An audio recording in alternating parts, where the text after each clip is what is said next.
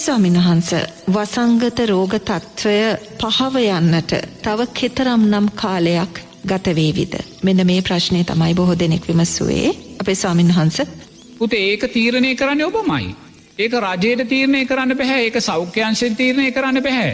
තේන කවරුවරයේම කියනවනම් අපිට තීරණය කරන්න පුළුවන් කියලා ඒකට ගැන සක්කායි දිට්ටිය කියලා. මත්තේ දැඩිභාවය තේන්නල් තව කොතෙක් දුරට මේ කොරෝනා වසංගතය ඇදිල යනවාද කියන කාරණය තීරණය කරන්නේ ඔබමයි. එනිසා නිරේතුරුවම කොරෝනාව ලෝකයේ තුළ තියෙන් අරින්න.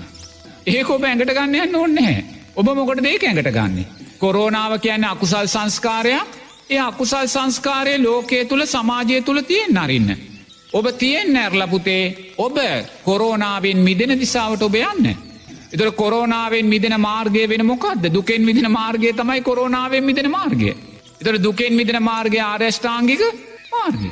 එනම් දරුව ආරෂ්ඨාංගික මාර්ගය තුළ ශක්තිමත්වය එනම් ඔබ මේ කොරෝනා රෝගය කවදා අවසන්වේද කියන කාරණය හිතත්දිම පුතේ ඔබ ආරෂ්ඨාංගික මාර්ගෙන් බැහරට දෙයනේ කවද මේක ඉවරවෙන්න. එති ඔබ ඒම හිතත්දිම ඔබ ඒක කල්දානවානේ. ඔබ කොරෝනා රෝගය කවදා අවසන්වේද කියලා හිතද්දිම ඔබ කොරෝනා රෝගය තවතව වර්ධනයට අදාළ සංස්කාර ඇස්වන.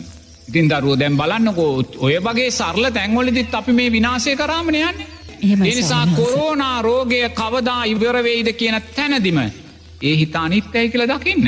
සම්මා සංකප්පයක් වැඩින්නේ නෙක්කම්මය. එතොට නෙක්කම් මේ වැඩුණේ ඇයි සම්මාධිට්ටිය නිසා. සම්මාධිට්්‍යය වැඩුණේ ඇයි ඔබ තෙරුවන්ට අදාළව හිතන්න දක්ෂ නිසා. ඔබ තෙරුවන්ට අදාළව හිතන්න දක්ෂ වුණේ ඇයි.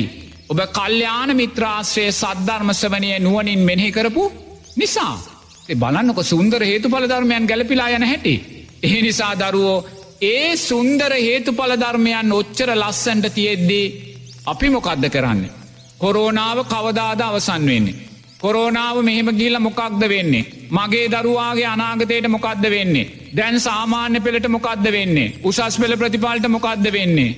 ඔය වෙන දේවල් සියල්ලම සංස්කාරයන්ට බාර දෙන්න. බාරදීලා ඔබ නිවී හැන හිල්ල ඉන්න සංස්කාරයෝ අනිත්‍යය කියල දැකලා. ඒ දකින මොහොතේ අනිත්‍ය සංඥාවේ හිත අනිත්‍යයි කියලා දකින මොහොතේ සුන්දර සම්මා සංකප්පය නෙක්කම්ම සංකප්පය අලෝ බාදේශ අමෝහයන් තුළ ඔබ ජීවත් වෙලා. එතට ඔබ එක්කම් මේ වැඩෙනකොට ඔබ තුළ සම්මා වාචා කම්මන්තෝ ආජීවෝ වැඩෙනවා. එහම සම්මා සති සම්මා වායාමෝ සම්මා සති සම්මා සමාධියත් ඇවිලා අද රටට නැතිවෙලා තියන ඒකනෙපුතේ සම්මා සමාධියක් නැහැ. පංච නීවරණ ඔද්දල් වෙලා. ඇයි සම්මා සමාධියක් නැත්තේ. සකස් වෙන සෑම හිතක්ම විතර්ක ගොන්නක් කරාරගෙන යනවා. විතර්ක ගොන්නක් කරාරං යනවා ඒ ප්‍රශ්නය ලෞකික ප්‍රඥාව තුළ විසරුවන්නේ නැහැ කර්මය කර්මඵල විශ්වාසය තුළ විසරුවන්නේ නැහැ. එනිසා දරුව කර්මය කර්මඵල විශ්වාසය තුළ විසරුවන්න එක්තනයි බෞද්ධයා කියන්නේ. එතනයි සද්ධාව කියන්නේ. එතනයි බුදුරජාණන් වහන්සේ කියන්නේ. එතනයි ධර්මරත්නය කියන්නේ. එතනයි සංගරත්නය අනුශාසනාව කියන්නේ. එනිසා ඔබේ සිත තුළ සකස් වෙන යම් සැකයක් විචිකිච්චාවක් ඇතිවෙන මොහොතේ ඒ සිත ඔබ සම්මාධිත්‍යය තුළ විසරුවන්න කර්මය කර්මඵල විශ්වාසය තුළ විසරුවන්න. දෙයනේ මේ සැකසහිත හිත මේ පංච නීවරණ හිත මා තුළ සකස් වෙන්නේ අකුසල් සංස්කාරයක් නිසාමයි. සම්මා දිට්ටියට විරුද්ධව මං හිතන නිසාමයි. කර්මය කර්මඵල විශ්වාසයෙන් බැහැරව හිතන නිසාමයි. ලෝබ දේශ මෝහයන්ට අටත්ව හිතන නිසාමයි. ඒ නිසා මට කුසලයත් අහිමි වෙනවා පිනත් අහිමි වෙනවා අවසානයේදී සම්මා සමාධිමත් හිතත් ඊට පස්සෙපුතේ පංචනීවරණ ගොල්ලේ හිරවෙලා ඔන්න ඉතින් සැකය විචිකිච්චාව තියාගෙන නැති රෝගත් ඇති කරගන්න. සමින්හන්සේ ඒ කාරණය තව ටිකක් ගැඹුරින් ධර්මානුකොලෝ පැහැදිලි කර දෙන්න පුළුවන්නම් මිතාමත් වටිනවා. දැම් ප්‍රීතිය පස්සද්ධිය තියෙන්නේ පෑපුතේ ජීවිතයක ප්‍රීතිය පස්සද්ධිය කියන මොකක්ද. ලේධාතුව පිරිසිදු වෙනවා. ශරීරය ප්‍රසන්න භාවයට පත්වෙනවා. බිය බැහැර වෙනවා. සප්ත බොජ්ජංග වැඩෙනවා.